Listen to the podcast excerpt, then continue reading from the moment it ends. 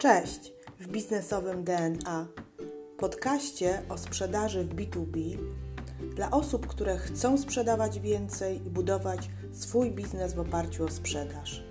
Nazywam się Ewa Piotrowska i w tym podcaście udzielę Ci praktycznych wskazówek z zakresu pozyskiwania klientów, prowadzenia procesu sprzedaży oraz zwiększania ilości klientów. Jeśli jesteś osobą, która lubi sprzedaż, a może masz potencjalnych klientów, którzy składają tylko obietnice, a może nie masz procesu sprzedaży lub strategii sprzedaży, to zapraszam Cię do słuchania tego podcastu. Zaczynamy!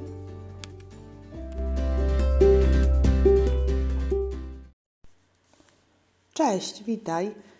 W dzisiejszym podcaście powiem Ci o trzech sprawdzonych technikach analizy potrzeb klienta, które pozwolą Ci dokładnie poznać Twojego klienta i dobrać odpowiedni produkt.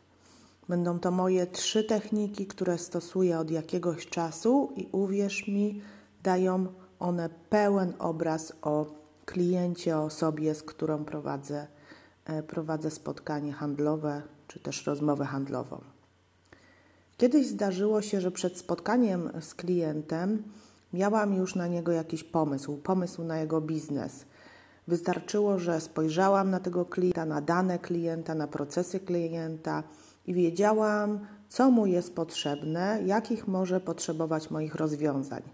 Dla przykładu, jak umawiałam z klientem w banku na spotkanie, na przykład w sprawie jego finansów, patrzyłam na wyniki finansowe tej firmy. E, wiedziałam, że jest to średnia firma i wiedziałam, że zaproponuję temu klientowi na przykład kredyt obrotowy albo lokatę i na pewno nie zaproponuję mu funduszu inwestycyjnego, ponieważ jest to na przykład za mała firma. Jednak jak się okazywało, klient przychodził na takie spotkania do banku, ja mówiłam swoją propozycję, klient miał inny pomysł na swój biznes. Bardzo mocno te nasze pomysły i te drogi się, że tak powiem, rozjeżdżały i klient kupował inne produkty niż mi się wydawało.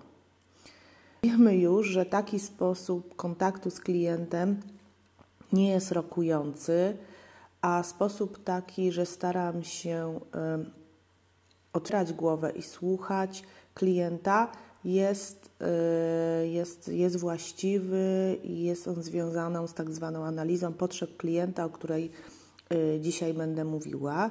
Więc y, pracując w banku, trzymajmy się tego przykładu.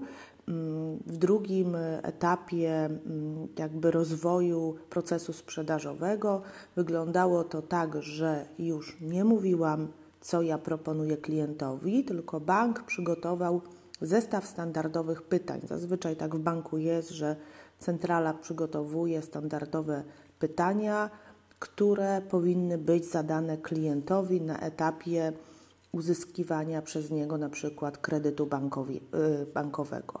No jednym z takich pytań było, czy jest Pan lub Pani w stanie powiększyć swoje zadłużenie mm, w oparciu o tą dzisiejszą sytuację, która jest.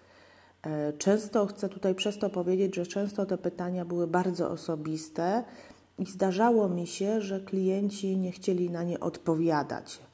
No, co prawda, przychodzimy do banku i wiemy, że, mm, że rozmawiamy o finansach osobistych danej osoby, jednak e, no, po prostu, jeśli zaczynamy od takich pytań już z góry założonych w naszej formatce, czyli na przykład, nie wiem, ile Państwo mają dzieci, mm, jakie dochody ma mąż, jakie zadłużenie ma mąż, jeśli na przykład go nie ma e, tutaj, czy macie jakichś wspólników. To są stricte takie pytania pod kalkulację.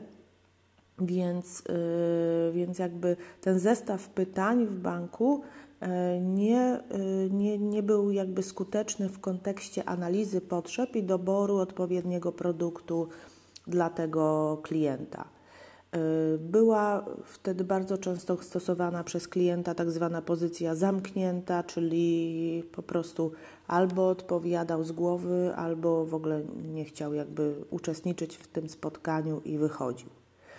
Mm, w szczególności dotyczy to, tak jak wspomniałam, sytuacji, kiedy nie znasz się z klientem y, i jest to wasze pierwsze spotkanie i jakby nie ma tego elementu budowy relacji, już przechodzicie, przechodzicie do y, samej analizy potrzeb.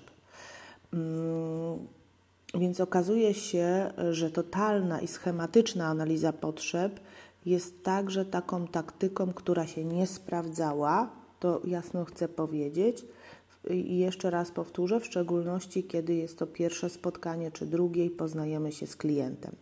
Więc dlatego dzisiaj chciałabym Ci opowiedzieć o odmiennej analizie potrzeb, y, która mm, jest przeze mnie stosowana w oparciu teraz o obecną y, sytuację klientów, w oparciu o obecną świadomość klientów, którzy już dużo wiedzą o, no, o produktach także, więc opowiem Ci o takich trzech sprawdzonych taktykach, które pozwalają dokładnie poznać tego klienta pod różnymi względami, pod różnymi kątami.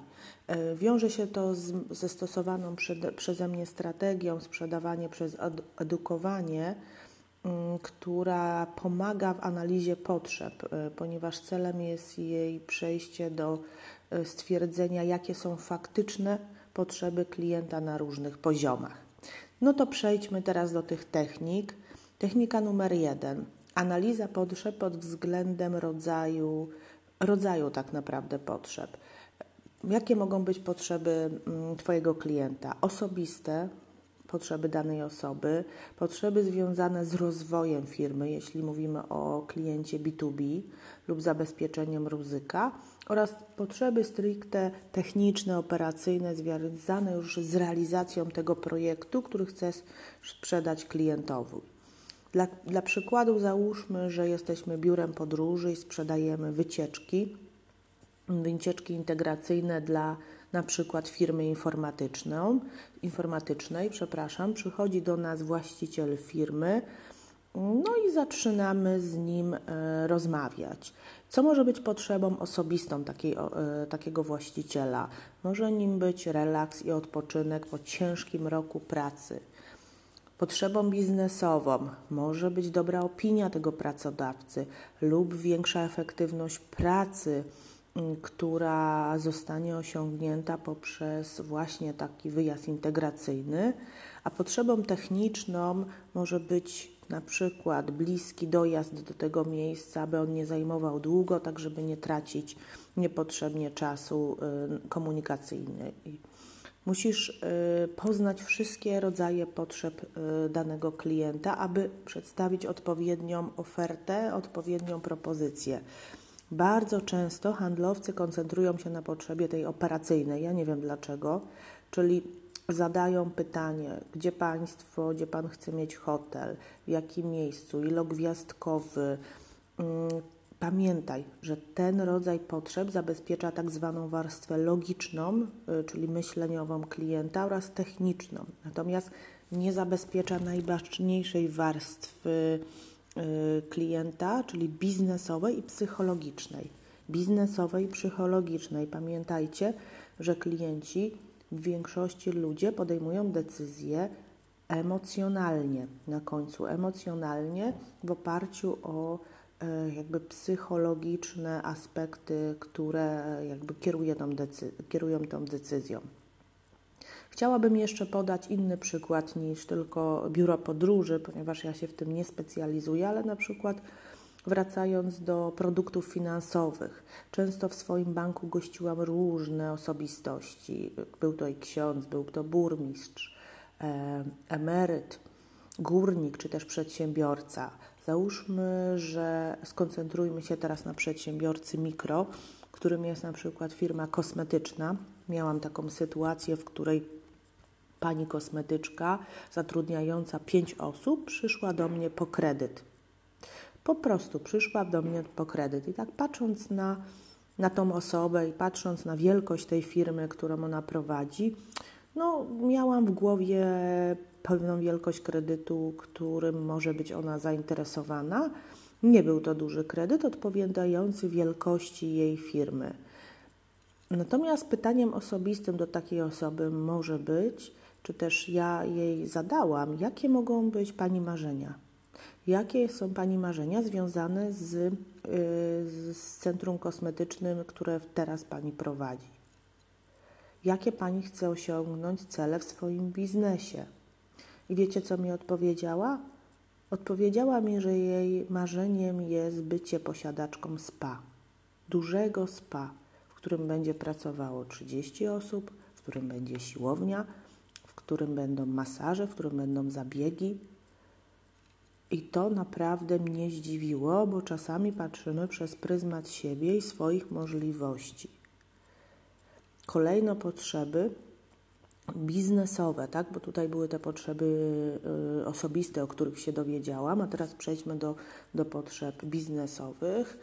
Mm, dotyczyły one oczywiście obrotów i przychodów, jakie osiągamy w wyniku tej działalności i ile, o ile możemy zwiększyć te przychody, już pozyskując ten kredyt, czyli dajmy na to, mamy kredyt na duże spa, jakie obroty będzie Pani chciała czy mogła generować. To też powoduje w głowie klienta, że on sobie to wyobraża, e, jak wielki biznes chce prowadzić. I kolejne pytanie to techniczne. No, po prostu dotyczyło gruntu pod budowę takiego spa, ponieważ wiedziałam, że ona ma zakład kosmetyczny w centrum miasta. Nie ma mowy, żeby, e, żeby to po prostu jakby tam funkcjonowało lokalizacyjnie, więc e, moje pytanie dotyczyło tego, czy gdzie, tak, w którym miejscu, czy ma grunt e, pod takie spa, czy się temu przyglądała. To też pokazuje, czy taki klient ma to przemyślane, czy to jest po prostu tylko marzenie. Czyli pierwsze pytania związane o marzenia, schodzimy później o biznes, a na końcu o kwestie techniczne i organizacyjne, czyli jak my to chcemy zrobić. Na wszystkie pytania ogólnie klientka odpowiedziała tak, tak chcę, tak, y, chcę rozwijać tą firmę, mam na to pomysł, tak, mam grunt. Nie, nie ukrywam, że nie spodziewałam się tego. Patrzyłam przez pryzmat siebie i swoich ograniczeń. A okazało się, że złożyliśmy wniosek na duży kredyt hipoteczny, za który tak naprawdę otrzymałam też również bardzo dużą premię. Był to jeden z większych projektów, które wówczas zrealizowałam w banku. Ale yy, tłumacząc klientce, że może mniej, może nie tyle, zabezpieczając się, tak naprawdę zabijamy niejako biznes i swój, czyli jakby swoje możliwości, że możemy sprzedać więcej i cele tej klientki. Nie wiem, czy, czy, czy to jest zrozumiałe, mam nadzieję, że tak. Dlatego przejdźmy teraz do techniki, e, do techniki 2, analizy potrzeb, uwzględniającej osoby, z którymi rozmawiasz osoby. Nie ukrywam, że ta technika jest istotna w B2B, w branży B2B, gdzie rozmawiamy z komitetami zakupowymi, gdzie rozmawiamy z szeregiem osób w organizacji, ale również w rodzinach prywatnych. W banku, w którym pracowałam, w rodzinie decyduje mąż, żona. To też jest, to też jest, e, to też jest różny sposób podejmowania Mm, decyzji. Chcę Ci opowiedzieć, w jaki sposób należy rozmawiać z ludźmi. E, w inny sposób będziesz rozmawiać z osobą strategiczną w organizacji. Załóżmy, że jest organizacja, czyli z prezesem, właścicielem firmy, a inaczej będziesz rozmawiać z osobą re, realizującą, operacyjną, odpowiedzialną za realizację danego projektu. W sumie w organizacjach możemy wyróżnić dwa poziomy szczebli i sposobu rozmów e, z klientem. Więc jak przygotowujesz sobie taką matrycę analizy potrzeb klienta i będziesz tworzyć pytania, to w jednej kolumnie przygotuj sobie pytania dla prezesa i dla właściciela, a w drugiej kolumnie dla osób już kierowników, y, pracowników operacyjnie odpowiedzialnych za realizację tego y, kontraktu, ponieważ ich troszeczkę inaczej będziemy prowadzić.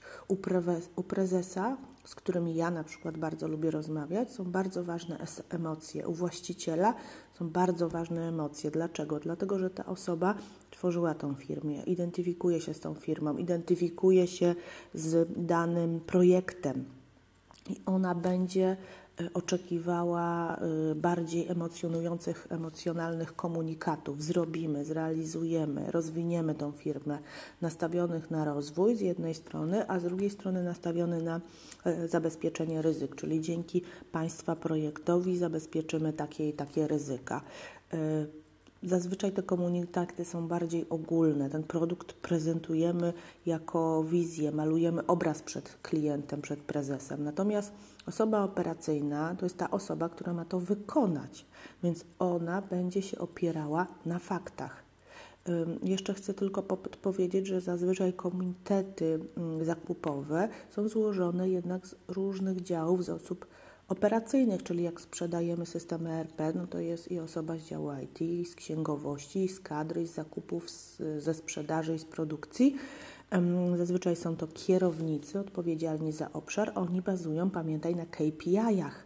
Więc produkt, który sprzedajesz, powinien w głównej mierze zabezpieczyć ich KPI, -e, aby mogli no, realizować swoje zadania. Więc jeszcze raz powtórzę, z prezesem rozmawiasz na temat rozwoju firmy, budujesz przed nim, roztaczasz wizję na przykład na dwa lata, natomiast z osobą, y, która będzie realizowała projekt, rozmawiasz o procesie, y, o projekcie, procesie tak? Y, tutaj ważny jest element, abyś umiał, umiała przedstawić dokładnie przebieg Twojego procesu, czyli Twojej usługi, którą oferujesz, aby ta osoba operacyjna czuła się pewnie, że będziecie w stanie to zrealizować i co na końcu dostarczy y, czynniki tego sukcesu. I trzecia taktyka analizy potrzeb, którą y, chcę Ci tutaj przedstawić i powiedzieć, dotyczy rodzaju produktu, jaki Twój klient potrzebuje. W pierwszych dwóch technikach mówiliśmy o osobach i o celach, mm, celach potrzeb, a teraz mówimy o, o rodzaju, rodzaju produktów.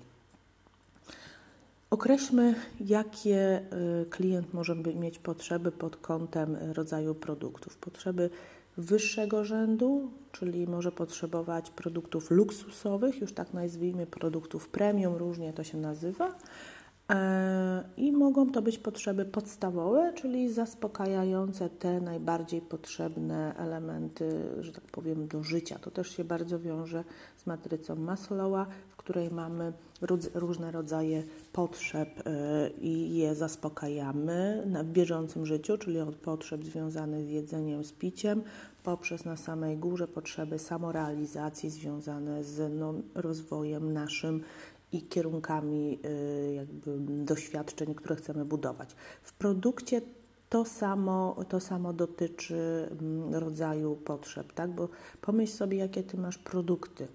Dajmy na to, jesteś firmą, która sprząta w biurach. I co możesz sprzedawać klientowi? No możesz sprzedawać sprzątanie powierzchni biurowej, ale możesz sprzedawać też na przykład odgraca, odgracanie i sprzątanie y, na przykład szaf, albo odgracanie butów, albo, y, albo uporządkowanie materiałów biurowych jako dodatkowa potrzeba. No, klient może sam sobie już swoje dokumenty poukładać, natomiast no, jakby nie, mia, nie ma na to czasu i jakby jesteś tą firmą, która tą potrzebę wyższego rzędu, tak zwaną luksusową, dodatkową, zaspokaja. Jeśli chodzi o rynek samochodów, ja to tutaj bym chciała taki przykład też przywołać.